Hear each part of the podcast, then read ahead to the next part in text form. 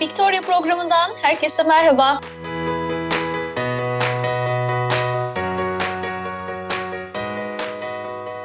Ben Gamze Biber, Victoria programının 3. bölümüne hoş geldiniz. Bugünkü konuğum Türk milli tenisçi Başak Eraydın. Başak Hanım merhaba, hoş geldiniz. Hoş bulduk. Nasılsınız, iyi misiniz, nasıl geçiyor günler?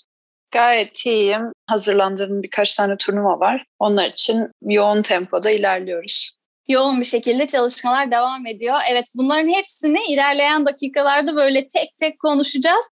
Ben Victoria'da e, sizi ağırlamaktan büyük bir onur duydum. Öncelikle onu söylemek isterim. Çünkü böyle genç yaşta böyle güzel başarılara imza atmış Türk kadın sporcularımızı bu programda ağırlamaktan gerçekten çok büyük mutluluk duyuyoruz. Ekip olarak da buna zaten çok önem veriyoruz. O yüzden bir kez daha hoş geldiniz diyeyim ve her zaman bu programda yaptığım her konuğa sorduğum sorumla başlamak istiyorum. Bu spora nasıl başladınız Başak Hanım? Tenis aşkı böyle nereden geliyor? Bize biraz anlatır mısınız?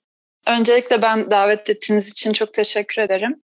Tenise iki buçuk yaşında babam tarafından başlatıldım. Yani nasıl başladığımı hatırlayamayacak kadar küçüktüm. Aslında babama teşekkür etmem gerekiyor. Çünkü ben onun hayalini gerçekleştirdim diyebiliriz. Çünkü iki buçuk yaşında bebeğim diyelim. Tenisle ilgili bir düşüncesi veya hayali olamaz ancak beni bu spora başlatan ve bu yolda ilerlememi sağlayan kişi babamdır.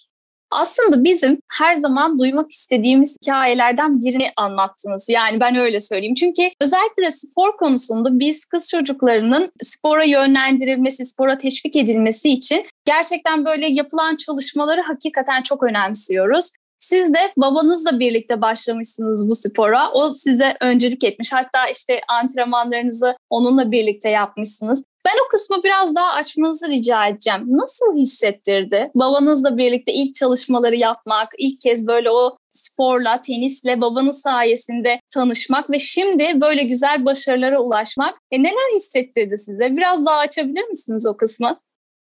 Aslında benim babamla ilişkim baba kız olarak çok ilerleyemedi o dönemlerde. Çünkü babamı hep bir antrenör olarak görmek durumunda kaldım. Baba olarak görmeye çalıştığımda babam buna izin vermedi ve ilerleyebilmemi çok istiyordu yani. Hep böyle disiplin içerisinde büyüdüm aslında. Çok da kolay bir süreç olmadı. Benim için de babam için de büyük bir ihtimalle. Antrenmanlarımızı birlikte 14 yaşına kadar devam edebildik. Biz o dönemde Antalya'da oturuyorduk. Tekirova e, beldesinde oturuyorduk. Ve oldukça şehir uzak olduğu için de başka oynayabileceğim kimse yoktu.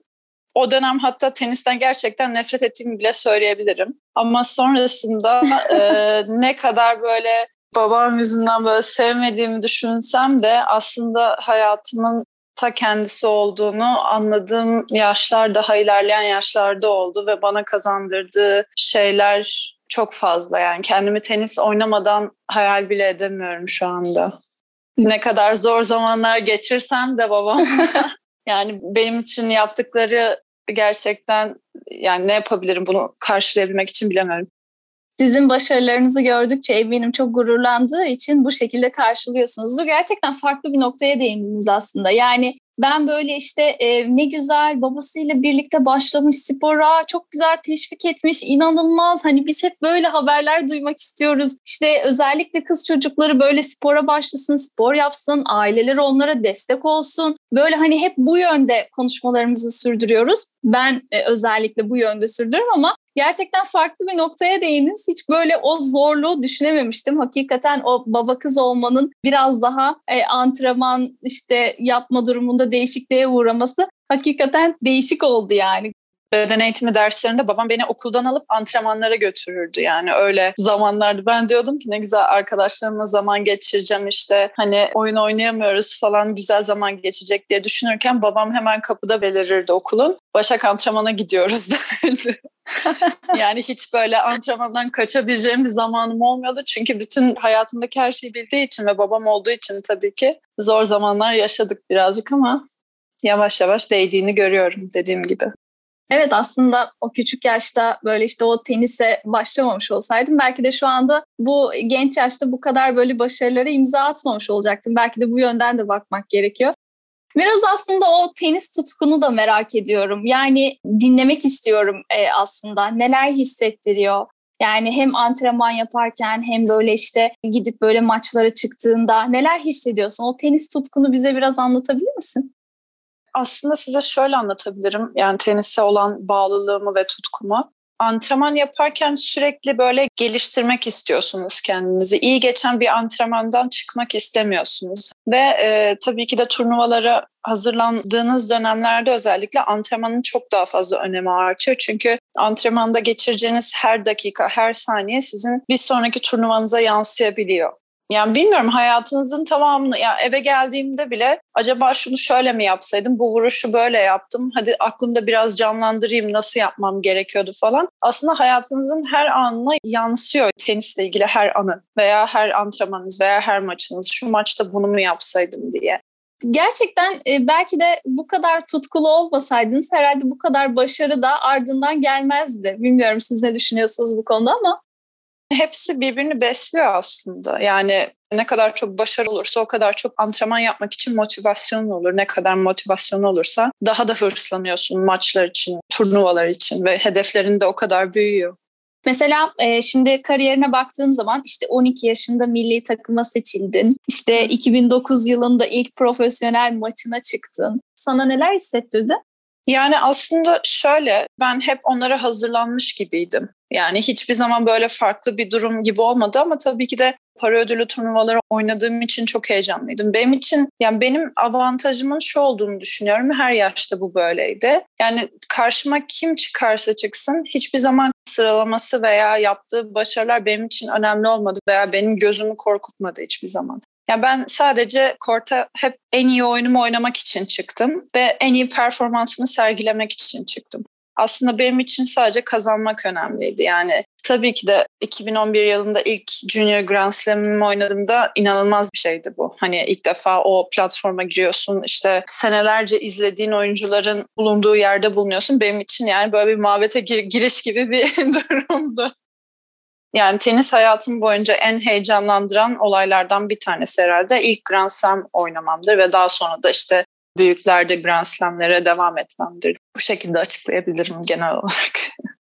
2011 yılında işte Amerika açık var. Bence başlı başına heyecanın herhalde en doruk noktası diye düşünüyorum ben.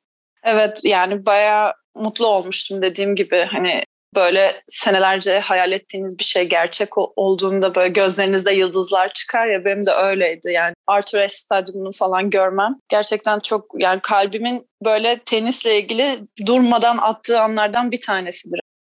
Hiç böyle e, şey yapmış mıydın? Yani elbette ki hayal etmişsindir tabii ki işte e, oralara gitmeyi, işte orada ne bileyim dünya tenisçilerini görmeyi, işte onlarla bir, beraber olmayı elbette ki hayal etmişsindir ama hani biraz böyle şuraya da aslında değinmek istiyorum. Yani bu noktalara kadar gelebilmek için hani o az önce konuştuk ya işte tutku çok önemli dedik. Biraz aslında çalışmalarına da değinmek istiyorum burada. Yani nasıl çalışıyorsun, nasıl antrenman yapıyorsun, işte kendine nasıl hedefler koyuyorsun ve o yönde nasıl e, hani çalışarak ilerliyorsun onu da hani dinlemek istiyorum senden. O yüzden e, biraz böyle anlatabilir misin o duyguları? birkaç sene öncesine nazaran şu anda yaşım itibari ve sakatlıklarım nedeniyle daha az antrenman süresiyle antrenmanlarıma devam ediyorum en iyi geçen dönemlerimden bir tanesi 2017 yılıydı. Ondan önce mesela günde yaklaşık 4 saat civarı tenis ve 2 saate yakın kondisyon antrenmanları yapıyordum. İspanya'da antrenmanlarıma devam ediyordum o dönemlerde. O epey yoğun geçen bir dönem oldu. Daha sonrasında 2018 gibi Romanya'da antrenmanlarıma devam ettim. Orada da e, daha çok vücudunu dinleyerek antrenman yapmayı, işte belli bir saat antrenman yaptıktan sonra dinlenmeyi vesaire bu tarz şeyleri öğrendim.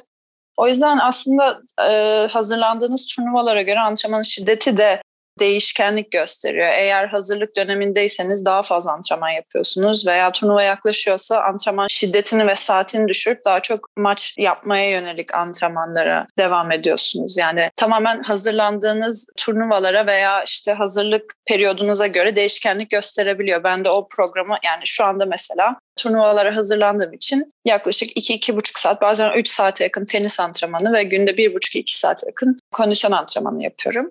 Teniste mesela olmazsa olmaz dediğin şey nedir? Kişisel olarak merak ettim yani bunu. Yani şöyle teniste mental olarak güçlü olmanız gerekiyor çünkü yapayalnızsınız. Bence en önemli faktörlerden bir tanesi bu ve fit olmanız gerekiyor. Yani epey formda olmanız gerekiyor ve hiçbir zaman takımdaki gibi bir etrafınızda sizi motive edecek, hadi Başak yaparsın, edersin diyebilecek birileri olmadığı için yani antrenörleriniz var ama onlar sahanın içinde değil veya aileleriniz var ama size hani istediğiniz cevabı verecek kişi sadece kendinizsiniz. O yüzden en doğru yolu bulup o şekilde ilerlemek en mantıklısı diye düşünüyorum başkalarından medet ummadan. Yani hep kendimize bağlıyız. Aslında yani tabii ki de profesyonel yardımlar alabiliriz. En nihayetinde hep yalnız kortta. O yüzden kendimize çözüm bulmayı en iyi şekilde öğrenmemiz gerekiyor.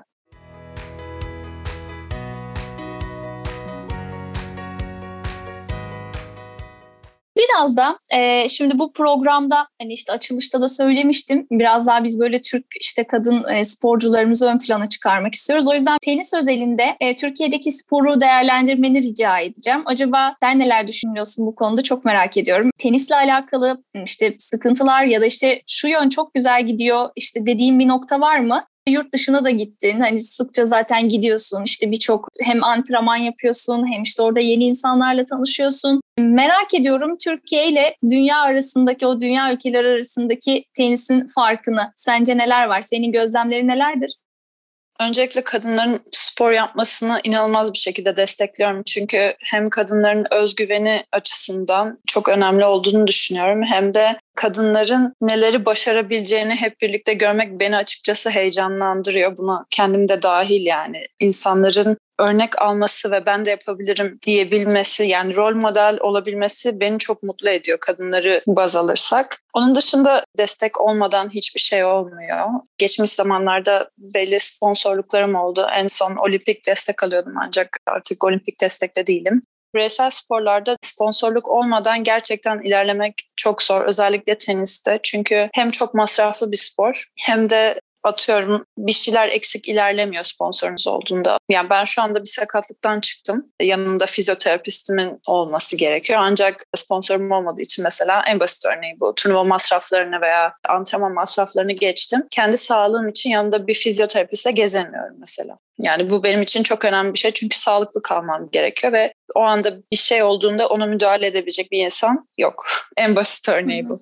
Onun dışında geçmiş dönemlerde bazı ülkelere göre avantajlı olduğumuzu düşünüyorum. Ama şu anda eskisi kadar Türkiye'de maalesef tenise destek yok. Belli bir sistem yok. Ama bunu geliştirmek için bir şey göremiyorum. Senin gördüğün o eksik yanlar nelerdir? Yani açıkçası mesela Fransa'da Roland Garros bünyesinde bazı sporcular var. Bu sporcular her şekilde yani tabii ki de iyi antrenmanlar alıyorlar. Onun haricinde de kişisel eğitimlerine çok büyük önem gösteriliyor. Atıyorum medya eğitimi alıyorlar veya yani hayatlarına yön verebilecek eğitimler alıyorlar. Başta medya olmak üzere ki bu sporcunun en büyük eksikliklerinden bir tanesi diyebilirim. Çünkü siz aslında iyi bir sporcu olmanın haricinde aslında bir marka oluyorsunuz ve markayı yaratırken ne şekilde röportajlar vermeniz gerektiğini, ne şekilde konuşmanız gerektiğini öğrenmeniz gerekiyor ve bence Türkiye'deki sporcular üzerinde sırf tenis değil ama teniste de özellikle eksik olan alanlardan bir tanesi diye düşünüyorum. Peki Türkiye'yi temsil etmek sana neler hissettiriyor? Biraz da o duygularını merak ediyorum tabii ki de çok güzel hissettiriyor çünkü hani ülkeni temsil eden dört kişiden bir tanesi oluyorsun veya hani işte 18 yaşın altındaki Avrupa Şampiyonası'nda iki kişiden bir tanesin. Yani çok güzel bir his ve ülken adına güzel başarılar elde etmek ve ülkeni hiç yapılmamış bir şey üzerinde temsil etmek bence çok güzel bir duygu. Onu tam olarak nasıl tasvir edebilirim bilmiyorum ama yakından geçebilecek pek bir şey anlatamam herhalde o kadar böyle yoğun duygular hissediyorsun ki gerçekten böyle hani bazen böyle insan çok yoğun duygular hissettiğinde kelimelere dökemezdi. Çünkü hiçbir kelime onu karşılamaz. Ben de senden o enerjiyi alıyorum aslında bak. Evet çünkü ülkenin adına mesela ilk defa bir şey yaptığın zaman diyorsun ki ilk ben başardım ve bunu kimse yapamadı ve ben yapabildim demek çok güzel bir şey yani veya Türk bayrağı işte çekiliyor işte marşın okunuyor. Yani bilmiyorum enteresan duygular. Gerçekten başka hiç hayatımda hiçbir şey şeyde böyle hissettiğimi hatırlamıyorum hiçbir alanda. Peki sakatlıklar geçirdin. İşte hani böyle zor zamanlardan geçtin. Halen daha da geçiyorsun belki de. Şu anda da zaten Belgrad'dasın. Oradan çalışmalarını evet. yürütüyorsun. Biz evet. de seninle oradan bağlantı yapıyoruz. Nasıl gidiyor?